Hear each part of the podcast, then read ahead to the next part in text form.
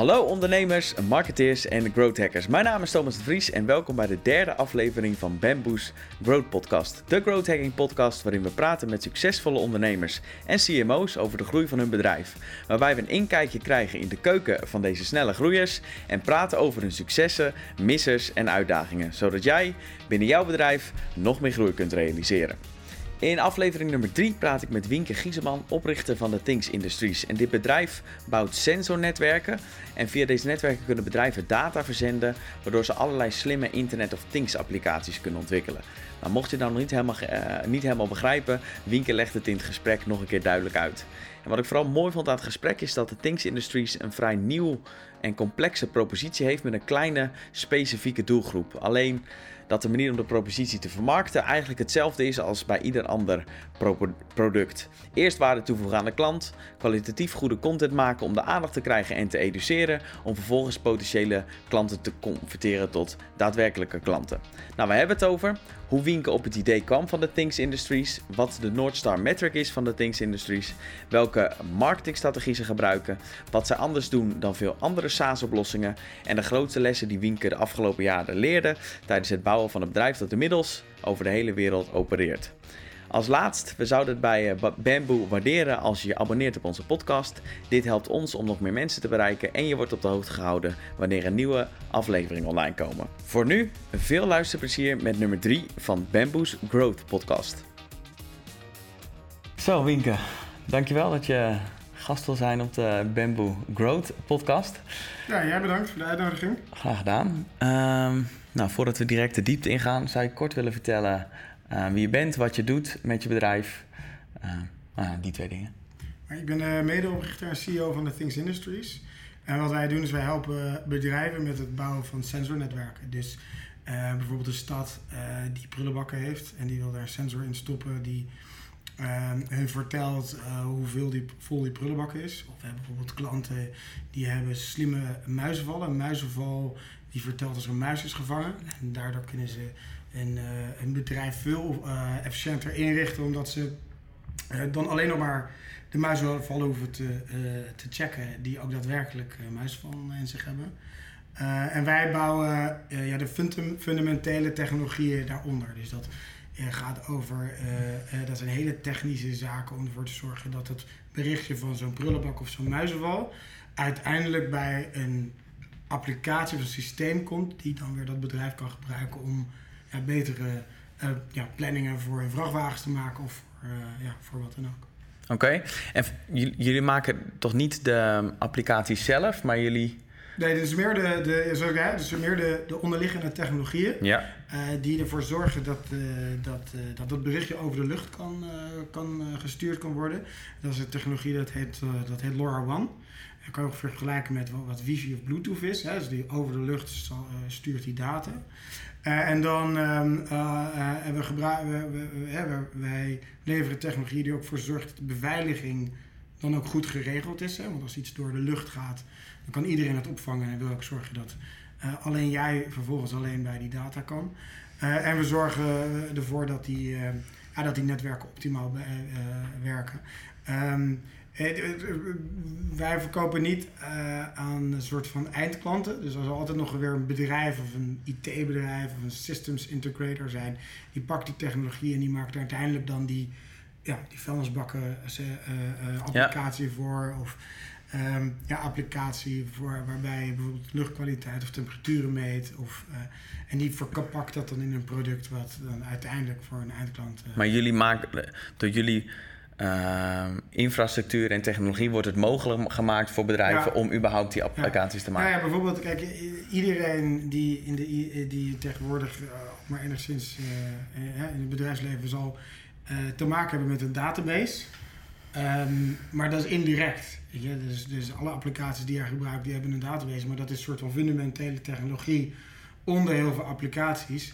en 99,999% van de mensen die, eh, die komen daar niet mee in aanraking. Dus wij zijn meer de onderliggende infrastructuur en producten die dat soort uh, applicaties, dus de, de, dat noem je Internet of Things applicaties mogelijk maakt. Dat betekent dat onze klanten dus ook ontwikkelaars zijn. Ja, Ja, oké. En hoe, hebben jullie de, hoe is het idee ontstaan en hoe hebben jullie de propositie uiteindelijk gevalideerd? Ja, het was ehm, in 2015, toen uh, was ik net klaar met mijn vorige bedrijf. Toen ontmoette ik huidige compagnon Johan Stokking. En toen liepen we tegen die technologie aan die het mogelijk maakt om over de lucht en die kleine berichtjes te sturen via die draadloze technologie. Uh, en, hoe, hoe, liep je daar tegenaan? Nou, we, was, we waren bij een meetup hier in Amsterdam, een Internet of Things meetup. En, en dat was een, uh, tijdje daarvoor. En toen liet iemand een antenne zien. En die zei van, nou, als ik deze antenne hier op het dak zet, dan kan ik 10.000 sensoren verbinden met het internet in een straal van 10 kilometer. En deze antenne kost maar 1000 euro. En dacht ik, wow, dat is echt super gaaf.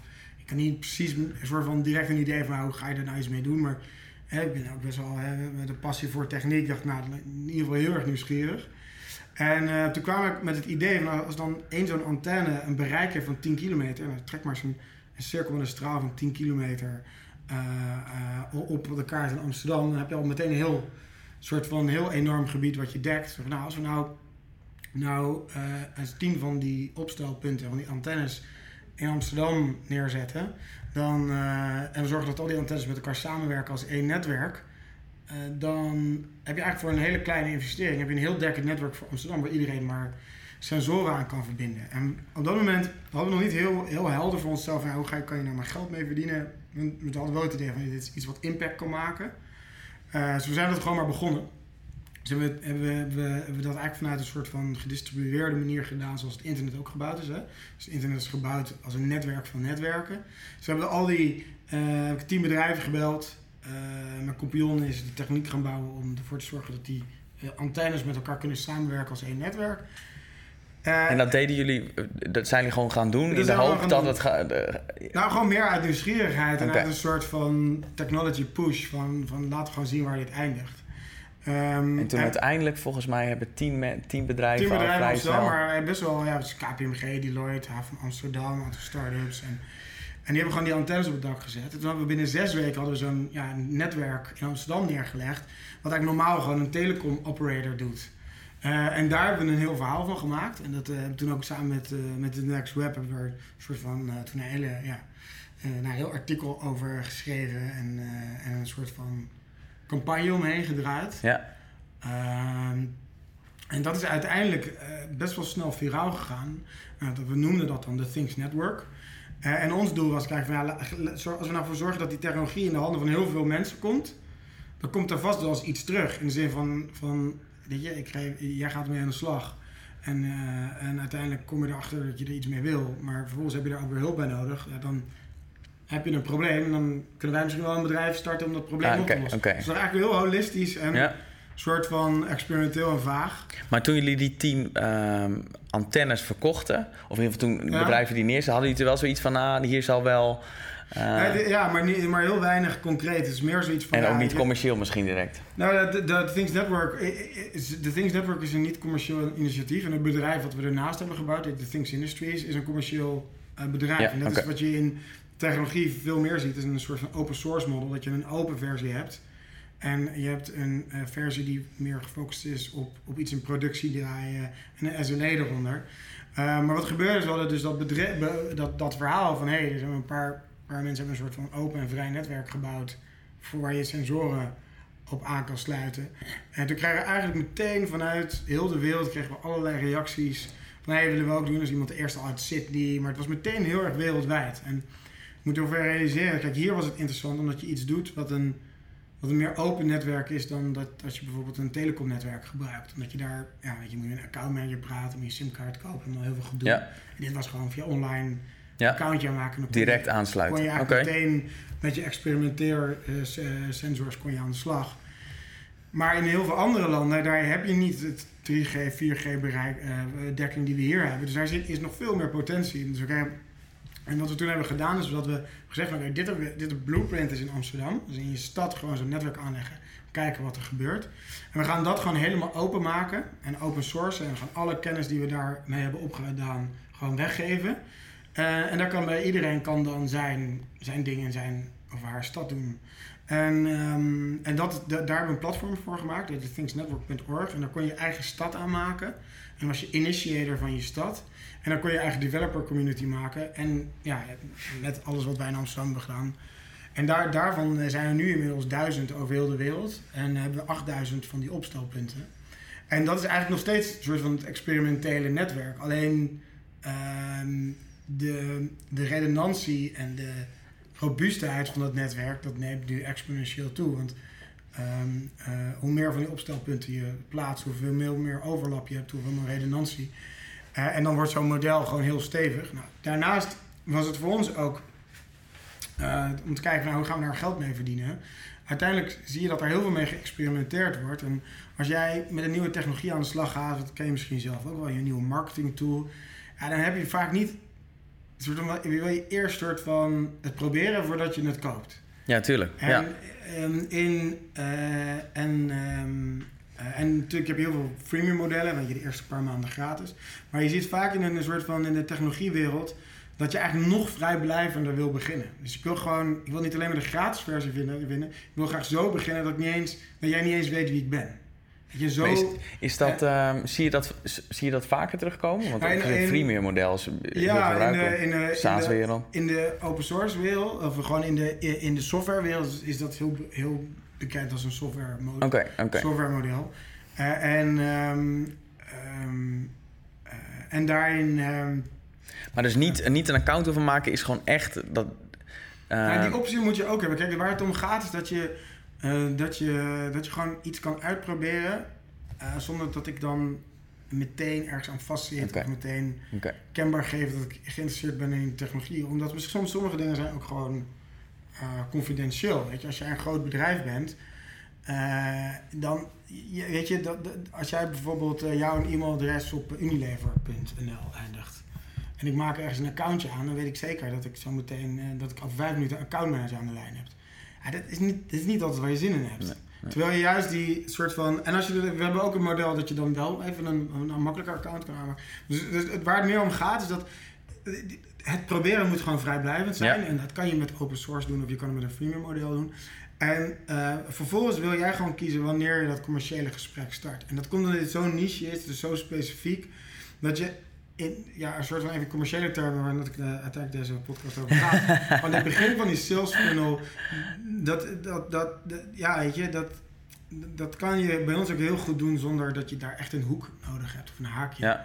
En, uh, en, ik kan me voorstellen dat de mensen die bij jullie komen vinden dat jullie van tevoren heel veel waarde hebben geleverd door dat open source netwerk. Nou ja, dus daar, als je naar Cialdini uh, kijkt, dan heb je ook de reciprociteit van, ja. van dit, dat werkt, dat ja. werkt ook sterk. En, maar dat is meer een soort van brandbuilding. Mm -hmm. um, en de, de, de, ja, en de, en de, ja, en verder, ik denk de, de ook heel erg als je een IT-bedrijf tegenwoordig bouwt, is dat je vaak ziet dat als je, als je met grote partijen praat, die zijn altijd heel erg, um, heel erg bewust over hoe creëert een ander, een, IT-bedrijf, een lock-in. En we zijn nu, nou weet je, we hebben nu een beetje uh, ongeveer de laatste twintig jaar wel inmiddels dat er nu in de directies IT-directeuren zitten die, die zo lang meegaan. En die, die, die die, die zijn al vaak genoeg genaaid, als het ware, in de IT met logins en met uiteindelijk ja, een soort van systemen die ze van leveranciers inkopen waar ze uiteindelijk niet meer echt van af kunnen. Daar wordt heel, wordt heel erg goed naar gekeken. En daar moet je tegenwoordig ook je IT-bedrijf op bouwen. Dat je, moet, dat je moet in staat zijn om die kwetsbaarheid te tonen, om dat commercieel te doen. Dus dit vertaalt zich niet alleen naar een, een engagement met een developer community, maar het vertaalt zich ook naar een nou, uiteindelijk hoe je commerciële propositie eruit ziet, hmm. die, die we vanuit de Things Industries ook heel open bouwen. Ja. Hebben jullie, um, in growth hacking is een, um, een term, dus de North Star Metric. Okay. Dat is de ene metric waarbij alle stakeholders die met je organisatie te maken hebben, een waarde hebben. Voor Facebook, uh, voor Airbnb was bijvoorbeeld Nights Booked omdat ja. bij Nights Booked uh, levert dat Airbnb wat op. De mensen die hun appartement vuren levert dat op. En de mensen die in het appartement ja. komen natuurlijk ook. Hebben jullie die?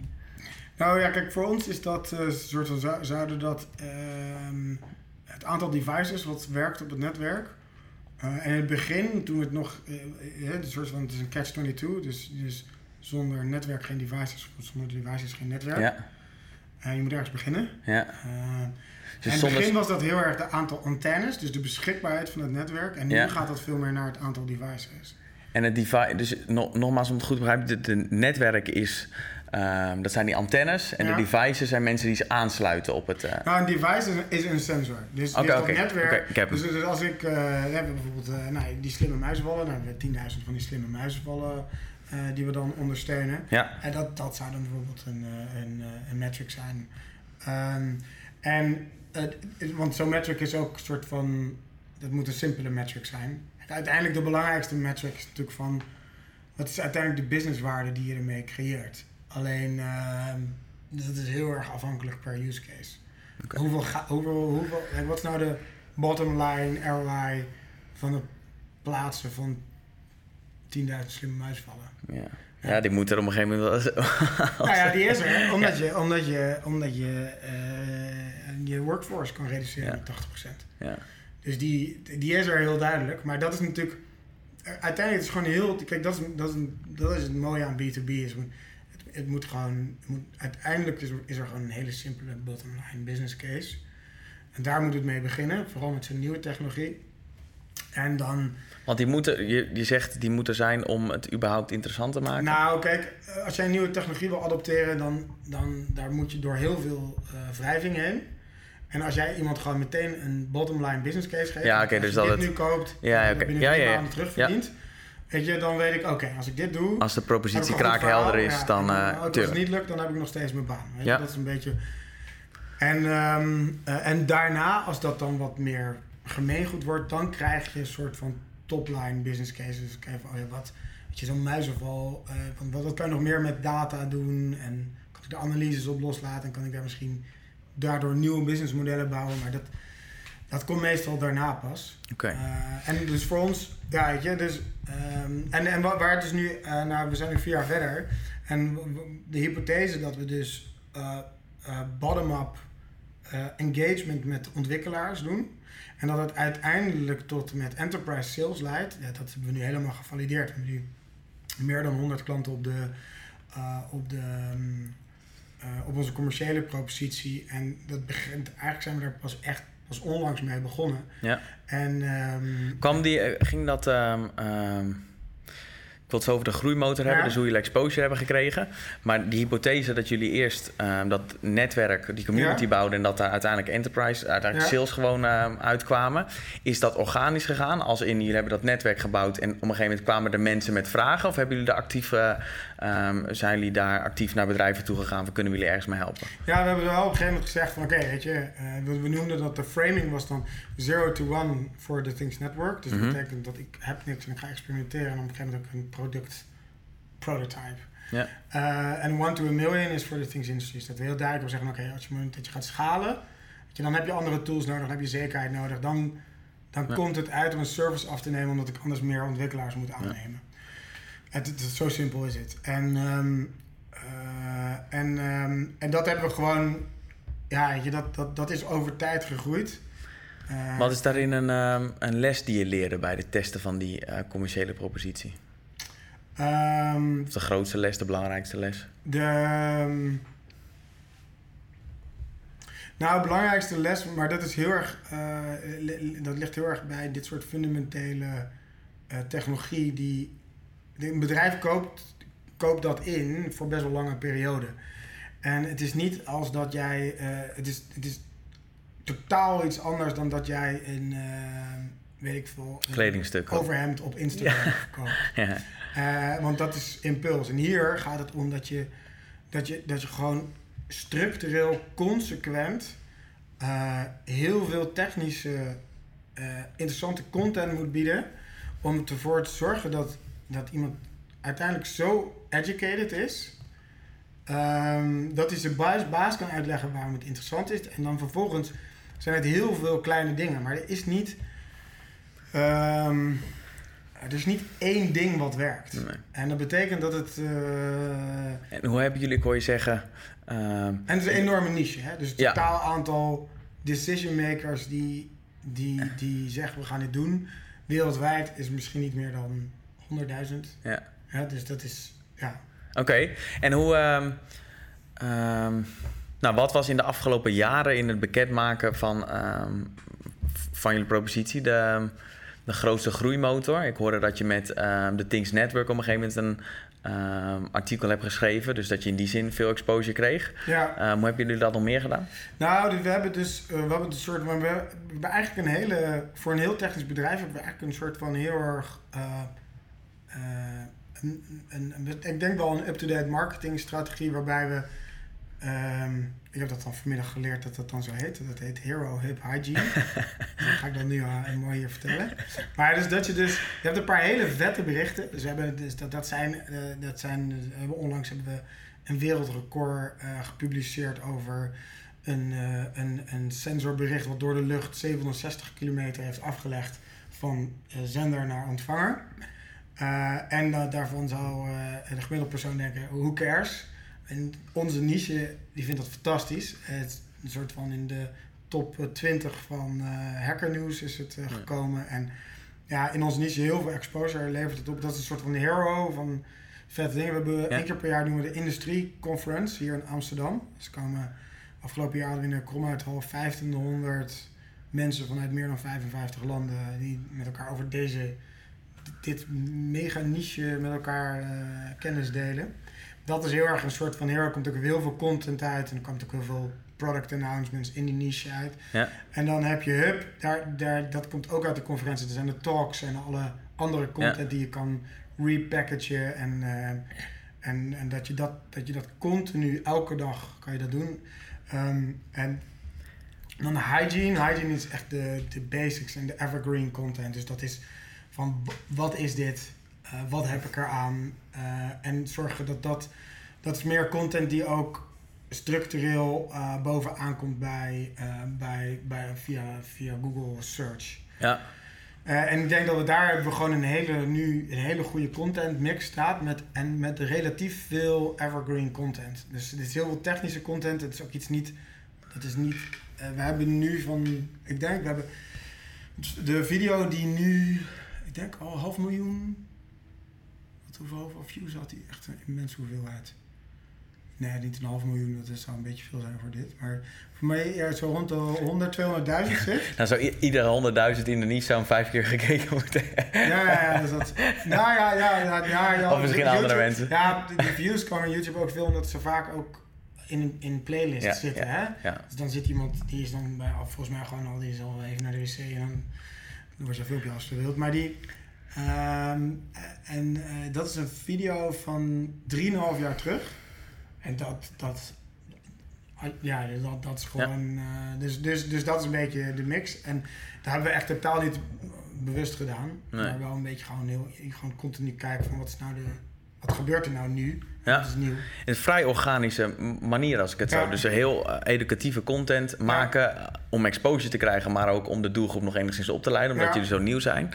Hoe, um, um, hoe bepalen jullie welke content relevant is voor de doelgroep? Is dat iets omdat jullie zelf in de doelgroep zitten, dus hetgene wat jullie interessant vinden, vindt de rest daarmee ook interessant? Of praten jullie met mensen uit de doelgroep? En... Ja, het is natuurlijk zo makkelijk, want je kan gewoon zien wat, wat, uh, wat, uh, wat welke views doet en hoeveel likes. Dus het is, die, feedbacks, die feedbackloops zijn zo kort. Uh, dat kan je bijna geen experiment noemen natuurlijk. Dat is gewoon, bent gewoon continu bezig zijn. Dit werkt wel en dit werkt niet. Ja. En dan ga je gewoon alleen maar meer doen wat wel werkt. Prima uh, experiment. Ja, ja, ja, maar dan is het, zit het meer gewoon in je standaard proces. Ja.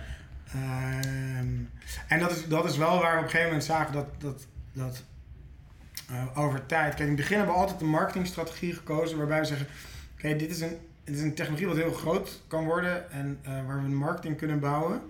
Uh, maar um, uh, in, in, in, het begin hebben we, ook de filmpjes die we maakten. Hè. Hadden het altijd afweging maken. Je kan een, over iets technisch kan je een filmpje maken waardoor iedereen het begrijpt. En zeggen, oké, leuk. Maar je kan, uh, waarbij niks gebeurt. Maar je kan ook zeggen, nou weet je, ik kies voor een filmpje wat maar heel weinig mensen begrijpen. Maar als ze het begrijpen, dat ze wel in actie komen. En ik denk dat, uh, dat, dat dat is altijd in het begin heel erg belangrijk geweest. En nu ja. zien we van oké, okay, het wordt iets groter. En ja, je kan niet alleen maar die uh, PhD's en de, en de super intelligente soort van vooroplopende ontwikkelaars uh, bedienen. dus we moeten nu ook een breder verhaal gaan zetten. En we zien eigenlijk ja. dat we steeds meer verwateren van dat dat hele technische naar meer business en... Ja, dit is eigenlijk volgens mij waar een groot deel van de bedrijven uh, moeite mee heeft ook, is namelijk het kiezen van, een kiezen van een specifieke doelgroep en daarom ook heel veel mensen uitsluiten. En vaak zie je als dat werkt, dan op een gegeven moment wordt ook de scope weer breder en gaan ze meer content maken of meer dingen doen die voor iedereen, uh, voor, voor meer mensen. Ja, en ook gewoon, uh, kijk, uiteindelijk is die marketing gewoon de start van je sales funnel. En um, zolang je die start van je sales funnel, die is, het, het, het, en, en ik denk dat het, dat het altijd heel erg de uitdaging voor bedrijven zoals ons om niet een totaal vervuilde sales funnel te hebben. Want, en wat is uh, dat? nou, de, kijk, wij hebben een SaaS-product, een softwareproduct. En dan, kijk, de, uiteindelijk de eerste, like, de eerste call to action is request a demo. Dus dan, maar dat betekent dat een account manager een half uur met iemand op een Skype moet laten zien. Dat is hartstikke duur. Dus als jij een hele vervuilde sales funnel hebt in onze industrie, um, dan uh, kost dat, is dat heel duur. Dus, uh, en met vervuilde bedoel je uh, arbeidsintensief? Nou ja, vervuil, alles wat uiteindelijk niet tot een sale leidt, is, is Ver, waste. Okay, yeah. ja, en de, de, investering daarin is waste. Dus uiteindelijk moet je uitkijken hier dat je dus niet... Dat je, dat je dus, dat je dus, dat die heel clean is. Dat je heel veel mensen, een soort van... het moment dat je, dat, dat je in de sales funnel zit en dat je margin, je, je, je je echt significante cost of acquisition gaat maken, wil je heel zeker weten dat je die gaat converteren. Ja, je wil eigenlijk ieder gesprek, wil je, ieder gesprek dat je met iemand hebt, wil je zo, dat, dat ja. klant wordt ook. Maar als je dus helemaal aan het begin van die sales funnel zet, maar je kan dat tegen een soort van um, uh, hele beperkte uh, cost of acquisition, soort van, uh, dan zou je niet cost of acquisition kunnen kosten, maar dat, dat je in dat segment in de sales funnel eigenlijk bijna geen kosten maakt, omdat het of self-service is of geautomatiseerd of het is dan uh, dat is natuurlijk voor ons heel belangrijk te doen. En, en um, bij ons is het ook nog zo, omdat het zo'n nieuwe technologie is. En je niet alleen maar een product uitlegt, maar ook nog een, ook nog een standaard en een technologie, een manier van denken. Uh, uh, is ja, het niet mogelijk om dat aan het begin... Dus en daarom hebben we ook die conferentie gedaan. Maar dat super schaalbaar is. Want één, het is alle content is daarna op YouTube te bekijken. En, en daarna is de... Ja. de... de um, um, uh, de, de, soort van, het is daar een soort van peer-to-peer education van de technologie. En, um, en hebben jullie, in die zin, hebben jullie dan een niet vervuilde sales funnel? Dat als jullie in gesprek gaan met mensen, dat je veelal ziet dat dat ook... Uh... Nou, ik denk dat, dat je dan, je, je lead kwalificatie, daar word je gewoon uiteindelijk steeds, steeds beter in. Um, en dat is en hoe, hoe, nou, hoe word je daar beter in? Nou, dat... door, ik denk dat wat in, in dit B2B sales is, uh, is, is, is, is lead kwalificering heeft heel erg te maken met wie be, benadert je. Dus kijk, bijvoorbeeld eh, lessen daar is dat, um, is dat, kijk, uiteindelijk ga je bij ons gewoon een, een enterprise service afnemen, een aantal support. Dat is best wel een, ga je best wel een, een, een stevige IT-relatie aan met je ja. bedrijf. Ja. Um, en dat is gewoon, daar in die film is het gewoon heel belangrijk dat je in het begin test. Okay, heel simpel, heeft iemand budget? Of is iemand gewoon een uh, intern onderzoekje aan het doen? Um, ja, weet je, je, hebt, uh, nou, je ziet ze bijna niet meer, maar op een gegeven moment had je een beetje de opkomst van de innovatiemanager. Ja, dat is natuurlijk dat is, dat is de, de, de, de, de start-up vampier uh, van deze wereld. En dan moet je zo ver mogelijk bij, bij vandaan blijven. Want die, die, iemand die innovatiemanager is, die is klaar. Als je zegt, hé hey, kijk, ik heb uh, vijf vette startups gezien. Ja, weet je, Oké, okay, op die manier. Okay. Dus, okay. daar, dus als het moment dat je weet, oké, okay, dit is een innovatiemanager. Ja, weet je, dan zeg ik, nou hier heb je een paar pdf's. En dan, ja, als je echt geïnteresseerd bent, dan... Uh, dus, je, dus wat ook gewoon wat heel belangrijk is, is dat je, dat je heel vroeg in dat, in dat zakelijke gesprek ook gewoon heel zakelijk wordt. Mm -hmm. uh, en dat is met best wel een switch. Want in het begin ben je heel open en, uh, en daarna moet je gewoon zeggen: oké, okay, wat is dan die stip die we met elkaar gaan bereiken? En waar ga je uiteindelijk naartoe? En wat is je budget? En wat ja. is je. En, um, uh, en dat. Um, ja, dit is dus gewoon one-on-one sales natuurlijk. Maar ja. het, het, is, het is wel. Bij ons heb ik meer gemerkt in bedrijf, omdat de cultuur heel erg open en heel erg doen met z'n allen en, en dus community. En dan moet je ineens, bam, ineens heel erg zakelijk worden. Uh, ja. En uh, ja, dus dat is, ja, weet je, dat is, maar dat is super belangrijk ook weer om je sales funnel ja. clean te houden. In hoeverre um, um, sturen jullie op data in jullie gehele uh, marketing tot aan sales funnel? Ja, de, de, de uiteindelijk de omvang nu nog is niet groot genoeg om iets met data te doen. Het is heel kwalitatief. Dus wat ik nu zeg, Ja. dan eh, de innovatiemanager is de, is, eh, is de, is de tijdsvampier van elke sta- sta- start-up. Ja, Eh, ja dat is puur iets- jouw interpretatie. Jij ziet een, een profiel van iemand. Ja, op- dat is mijn eerste kwalificatie. Ja. En dan ga ik dat nog even toetsen natuurlijk, want voor hetzelfde geld heeft wel budget. Waarschijnlijk niet. Maar ehm, dan, ehm, ehm, eh, dan, dan dat je wel vanuit daar gaat werken en dat je wel heel erg goed je prioriteiten in je, in je, in je salesproces aangeeft. Ja. Eh, dus, oh, dus, dus, dus in die zin is het dan, wordt het meer sales. En marketing is meer... We werken natuurlijk wel gewoon met data, maar... maar ehm, ehm, Nou, ik heb je wel een aantal keer over de views en dat, dat soort ja, dingen. oké. ja, als Het dat zijn- data is, maar dat noemen we meer een dashboard. Data bedoel ik... Ja, oké. zoals data is iets dat je het meer ook echt gebruikt, maar... eh, Nou, je hebt, als, je, als het volume groot genoeg is, kun je op een gegeven moment gewoon een hele data funnel maken met conversiepunten en, en, en conversies. Maar je geeft Ja. net zelf ook aan dat de volumes daar nog niet ja, eh, maar, ja, maar het is, het is soort van. eh, het is geen. Dat marketinggedeelte daarvan. Dat is, daar, dat is geen funnel. Dat is, dat is een, een, een, een, een multidimensionale matrix van, van checkboxes.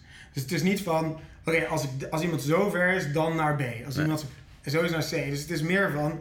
Hoe kan je nou van alle kanten gewoon zeggen van oké, dit is iets. En wat er ook heel erg bij hoort, is dat je dus ook ehm, in je marketing zegt van waarom moet je het niet doen? Hè? Dus ook daar weer voor, hoe kan je nou ook weer daar zorgen dat het clean blijft? Door, zeggen van, door ook heel erg duidelijk ehm, klanten weg te sturen. Ja, ja, ja. En dat, is- dat is soms nog veel belangrijker in zo'n B2B business. Dat je zegt van ja. ehm, Lange termijn is dat dus de, de betere. Ja, altijd. Ja. Ja. Ik denk zelfs op de, op de korte termijn. Want als je niet... Ja, maar dat, dat heeft ook heel erg met een niche te maken natuurlijk. Ehm, eh, en dat is... Ja, weet je... In, in, eh, maar goed, dat zal voor jullie als growth agency ook niet anders zijn. Dus dat je denkt... We, we, op het laatst zaten we ook bij een klant en die, die stelde allerlei vragen. En toen op een gegeven moment... Toen, toen vroeg ik van... van oké, mag ik één vraag toestellen? Wa- waarom denk jij dat je over vijf jaar nog bestaat? Weet je, een soort van, ik begrijp niet, die zat, die zat allerlei technische vragen te stellen over de technologie. En, ehm, en, en die had allerlei, die had niet helemaal de toepassings- en business case in zijn hoofd. Maar die had ook niet helemaal, soort van helemaal duidelijk wat de visie van, van zijn bedrijf is, groot bedrijf. Eh, en dan, dat, dat is ook een teken. Dus als iemand, als iemand denkt van, oké, als, ik, als, ik, als ik niet geloof in, of als wij niet geloven in waarom iemand dit ons product wil kopen, ja, dan, dan weet je ook van, ja, dit, uiteindelijk wordt het een drama-project. Ja, ja. Eh, en ehm, dus denk ook daar weer gewoon zorgen dat je, dat je, dat je, dat je, dat je ook zelfs in dat proces gewoon zegt van ja, dit, waarom, dit gaat niet Gaat niet werken. werken, nee. Ja. Hoe ehm, prioriteren jullie hetgene wat jullie doen? Nou, we zijn nu nog met eh 15 man. Oké. Eh, dus, eh, dus dat is, dus, eh, dat is, hoeft niet heel veel structuur, maar in het eh, ja, technische gedeelte product management is gewoon allemaal GitHub. Mhm. En dat is gewoon, eh, gewoon een vergadering elke twee weken. En sales eh, is, nu, is nu gewoon nog zoveel data en zoveel informatie en zoveel. Is ook heel kwalitatief. Dus dat is gewoon, gewoon heel erg van: oké, wat, wat heb je sales gewerkt? Wat werkte wel, wat werkte niet? Is dit überhaupt een patroon? Of is dit specifiek deze klant? Wat kunnen we hiervan leren? En we hebben gewoon elke week zo'n zo'n meeting. En het maken van content, is daar ook nog... eh, Ehm, nou, eh, ehm, dat gaat eigenlijk, maar dat is makkelijk omdat je kortere, kortere feedback hebt. Dus daar gaat het over van wat vinden mensen wel en wat vinden Oké. mensen niet interessant. En ehm, dus in die zin staan jullie gewoon dicht bij de consument en kijken jullie gewoon naar wat zij, ja, wat wel, waar op wel- gereageerd ja, wordt en daar doen jullie gewoon meer van. Ja, ja. ja dat Cool. is heel simpel. Ja.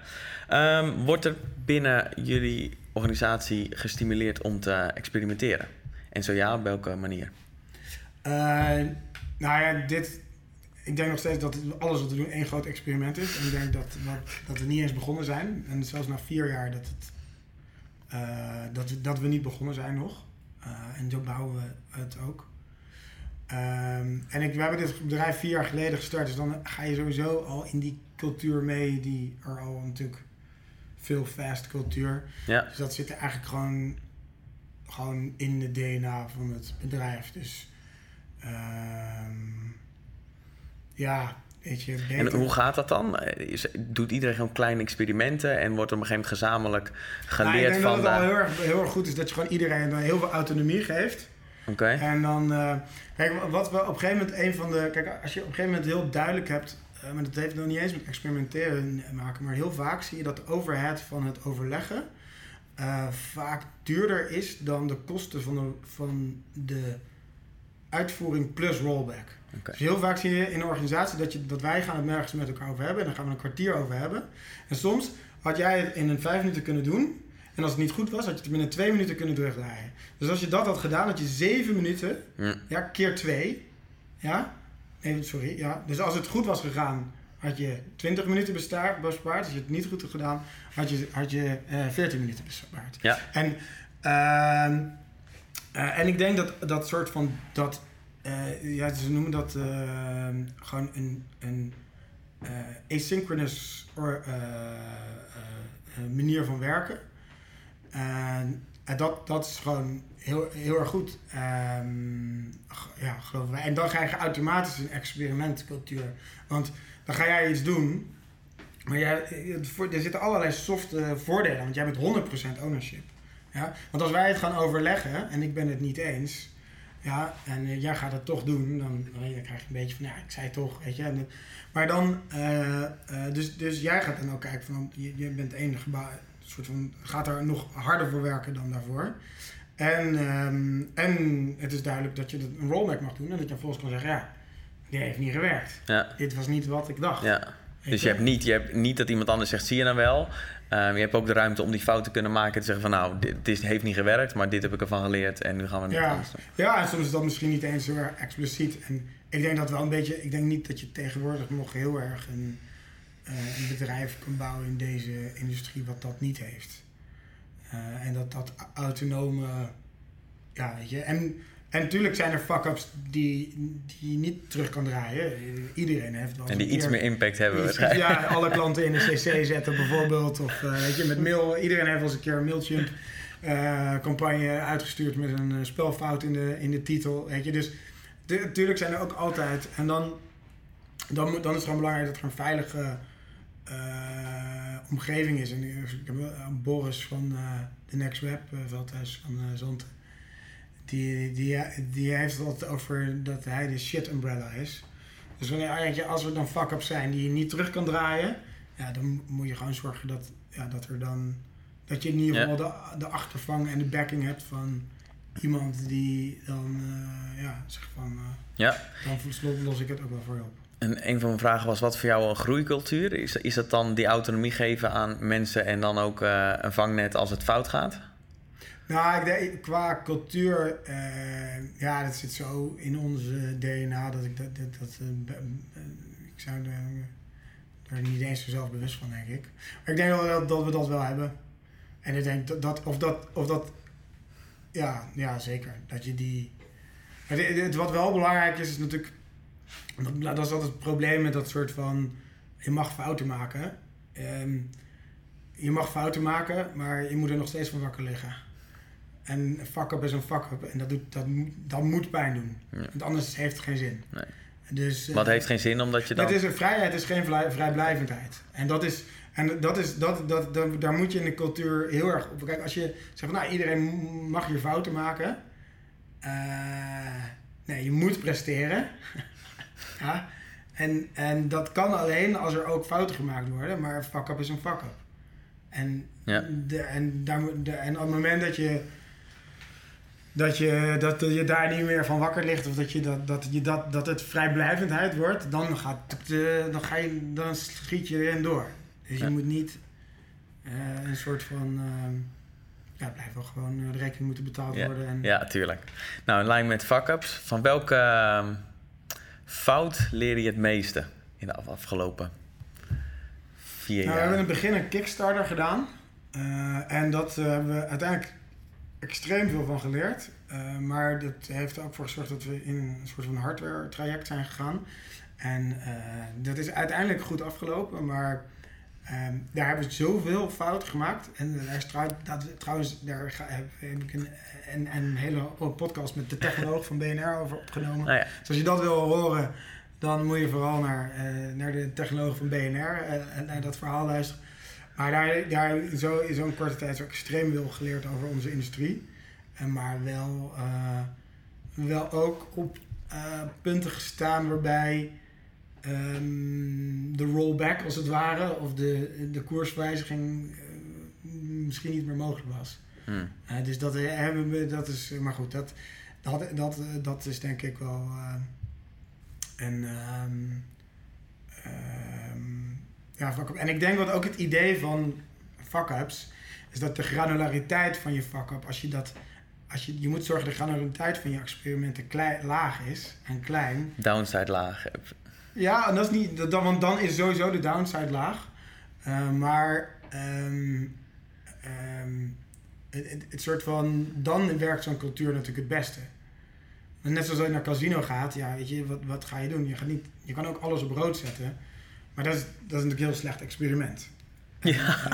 Ja. Dus, dus, um, uh, dus, dus, dus die hele experimentele cultuur en die fuck-up cultuur werkt als het hele kleine stapjes zijn. Ja. En één Kickstarter is een stapje van uh, in één keer drie ton. Ja. plus, en dat was alleen nog het geld wat we er, wat we er van binnen kregen. En wat we eruit is gegaan, dat is Ja. een. Het verlies wat daarop geleden is, is, is significant geweest. Maar, uh, dus dat was niet een. Dus de. ehm, Daar was het niet het geval. nee, nee, dus, de, dus als je naar. Dus ook daar, weet je, dus, dus ook daar een soort van een, een fuck-up cultuur of een soort van experimentele cultuur is wel belangrijk dat je.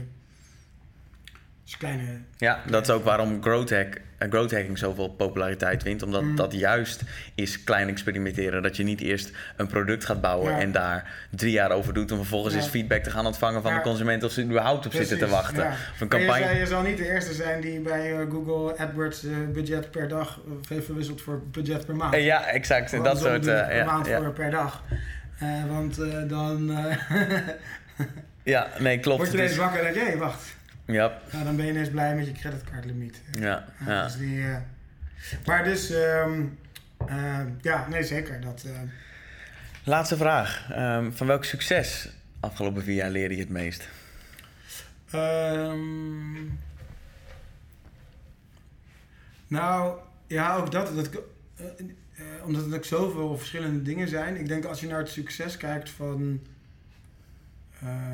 is dat het, ehm, dat, dat het ons gelukt is om via een soort van bottom-up engagement vanuit ontwikkelaars en die ontwikkelaars praten weer, gaan experimenteren en dat dat uiteindelijk converteert naar iets wat industrial grade enterprise eh, systemen worden die vroeger alleen maar door de, de Siemensen en de Thales en grote bedrijven werd gedaan. En dat, dat is, dat is, dat is eh, denk ik een- een van de grote successen tot nu toe. En, ehm, ehm, en ja, dat, dat is het succes van de duurzaamheid van het bedrijf. Dus dat is, dat is eh, en ja, individueel succes is, is we, we, de engagement gaat, gaat voor ons zorgen over de technologie die we omarmen en de standaard die we omarmen. En dat we daar ook een ecosysteem hebben gemaakt van allerlei partijen die soort van daar ook met elkaar kennis delen. Ehm, ja, dat is, dat is, ehm, ja, dat is een ander, ander succes. Er zijn nu 80.000 ontwikkelaars in meer dan 100 landen met eh tegen onze bezig zijn. Eh, en dat die betalen niks. Maar dat is wel een pool die uiteindelijk wel iets succesvols maakt. En dan hangen ze zelf aan de telefoon. Ja, gaaf. Thanks eh, Wienke voor je Ja, tijd en succes eh, met eh, alles wat je Ja, gaat doen. dankjewel jullie ook. Allereerst, dankjewel voor het luisteren van de aflevering. Als laatst hebben we nog een mogelijkheid voor je, namelijk het downloaden van onze Growth Model Template handleiding. Het is een strategisch framework waarbij je in één brainstorm je gehele organisatie op het gebied van marketing in kaart kunt brengen. En met dit framework kun je vervolgens experimenten opzetten en direct starten met growth hacken. Je vindt een link in de show notes of ga naar bamboo.io slash gmt. Dat is B-A-M-M boo.io slash gmt. Mijn naam is Thomas de Vries, wij zijn Bamboe. Bedankt voor het luisteren en tot de volgende aflevering.